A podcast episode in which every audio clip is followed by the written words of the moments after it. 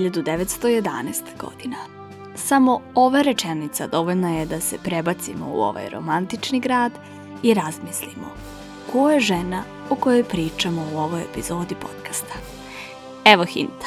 Pariz znači umetnost. Naime, te 1911. godine rodila se Louise Bourgeois.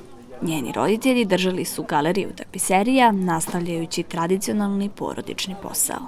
Oko 1919. godine Luizina majka, Josefina, dobila je španski grip, od kojeg se nikada nije u potpunosti oporavila. Zato je Louise često prekidala svoje obrazovanje kako bi brinula o majci. Godine 1922. u porodicu dolazi žena iz Velike Britanije, Sadie Gordon Richmond, kako bi Louise i njenu sestru i brata učila da govore engleski. Osim toga, Sadie je postala i ljubavnica Louisinog oca. Zašto je to bitno za ovu priču? Ova zapetljana situacija i ponašanje njenog oca kasnije će naći izraz u Luizinoj umetnosti. Njena sećanja iz detinstva, njeno učešće u porodičnom poslu sa tapiserijama i briga koju je pružila svojoj majci, zajedno sa sveprisutnim osjećanjem napuštenosti, postale su važne teme u njenom radu. Luizina majka preminula je 1932. godine. Mesec dana kasnije, nakon što je diplomirala filozofiju u Parizu, Louise je upisala Univerzitet Sorbonne kako bi studirala matematiku. Međutim, duboko pogođena majčinom smrću, ubrzo se okrenula umetnosti i kasnije pohađala nekoliko različitih akademija u Parizu. Iako je ovladala različitim umetničkim stilovima, kao što su abstraktni ekspresionizam, feministička umetnost i nadrealizam, Louise nije bila formalno povezana ni sa jednim posebnim umetničkim pokretom tokom svoje karijere, koja se protezala osam decenija od 1930. do 2010. Poigravala se raznovrsnim i nekonvencionalnim vizualnim simbolima u svom slikarstvu i grafici kao i jedinstveno personalizovanim oblicima i materijalima u svojim skulpturama koji su dali snažan uvid u njena uznemirajuća sećanja iz prošlosti. Louise je zaronila duboko u ljudsku psihu i kroz svoje umetnička dela istraživala sirove emocije ljubomore, besa, napuštenosti, usamljenosti i straha. Mnogo toga sam rekla. Hajmo korak po korak.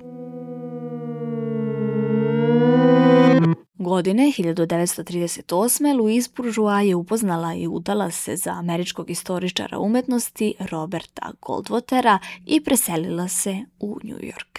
Ubrzo po dolasku u New York, Louise se upisala u Ligu studenta umetnosti, gde je počela da pravi grafike, a 1945. imala je prvu samostalnu izložbu slika u galeriji Berta Schaeffer u New Yorku. U tom periodu počela je da stvara skulpturalne forme od pronađenog drveta na krovu svoje stambene zgrade. Godine 1949. Luizi je izložila po prvi put ova dela u samostalnoj izložbi pod nazivom 17 stojećih figura u drvetu.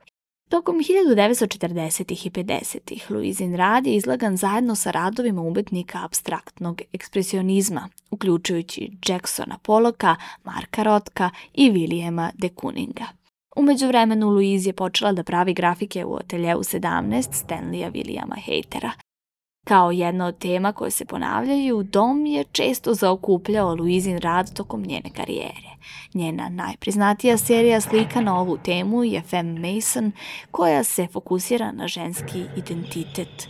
U ovim serijama glave prikazanih žena zamenjene su kućama i zgradama, kao da ih kućne obaveze guše i zarobljavaju.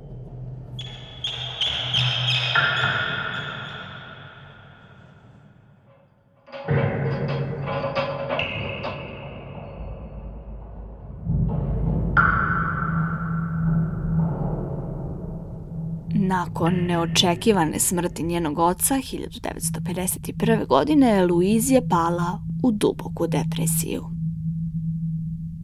Godine 1964. nakon perioda relativne povučenosti imala je svoju prvu samostalnu izložbu posle 11 godina u Njujorku. Nakon što je izgubila i muža, kreirala je skulpturu The Destruction of the Father. Godine 1978. napravila je i performans, banket, modna revija delova tela u Hamilton galeriji savremene umetnosti u Njujorku. Malo nakon toga upoznala je Jerrya Gorovoja, koju je uključio u grupnu izložbu koju je vodio u galeriji Max Hutchinson u Njujorku. Gorovo je kasnije postao njen stalni asistent i ostao je uz nju do kraja života. Izložba Louise Bourgeois, retrospektiva, otvorena je u Muzeju moderne umetnosti 1982. a vođena od strane kustoskinje Debore Vaj. Bila je to prva retrospektiva Muzeja moderne umetnosti MoMA posvećena jednoj umetnici – Louise je stvarala i instalacijska dela kao što su Ćelije, serija ograđenih prostorija koja su pozivala gledaoca da zaviri unutra i razmisli o pojmu voajerizma. Stalno je izazivala i kritikovala konvencionalnu ulogu žene u društvu 20. veka, istražujući ženski identitet tokom svoje umetničke karijere. Krajem 90-ih okrenulo se obliku pauka kao inspiraciji. Prvog pauka velikih razmera izložila je 1994. u Bruklinskom muzeju. Ipak njena najveća skulptura ove vrste je Maman, izložena 99. godine. Bio je to pauk visok preko 9 metara. Napravljena je od mermera, bronze i nerađajućeg čelika i predstavlja odu Luizinoj majici.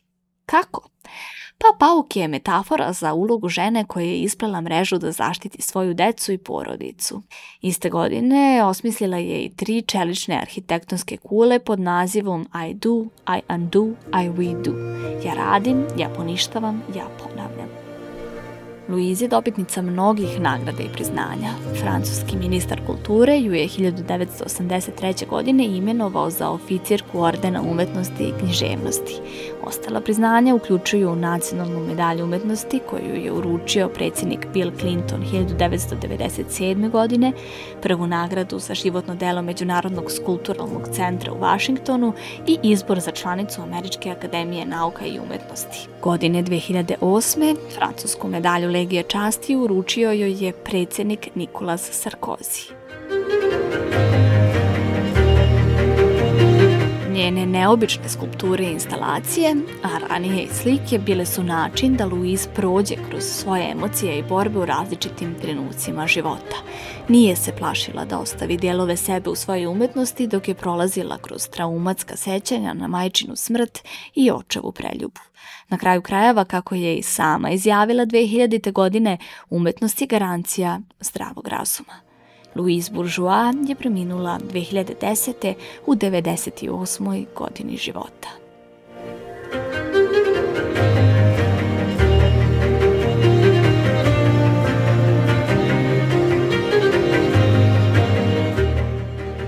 Priču napisala Iva Gajić.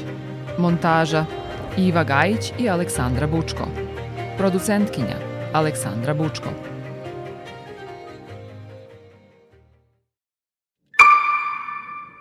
Produkcija Fabrika kreativnosti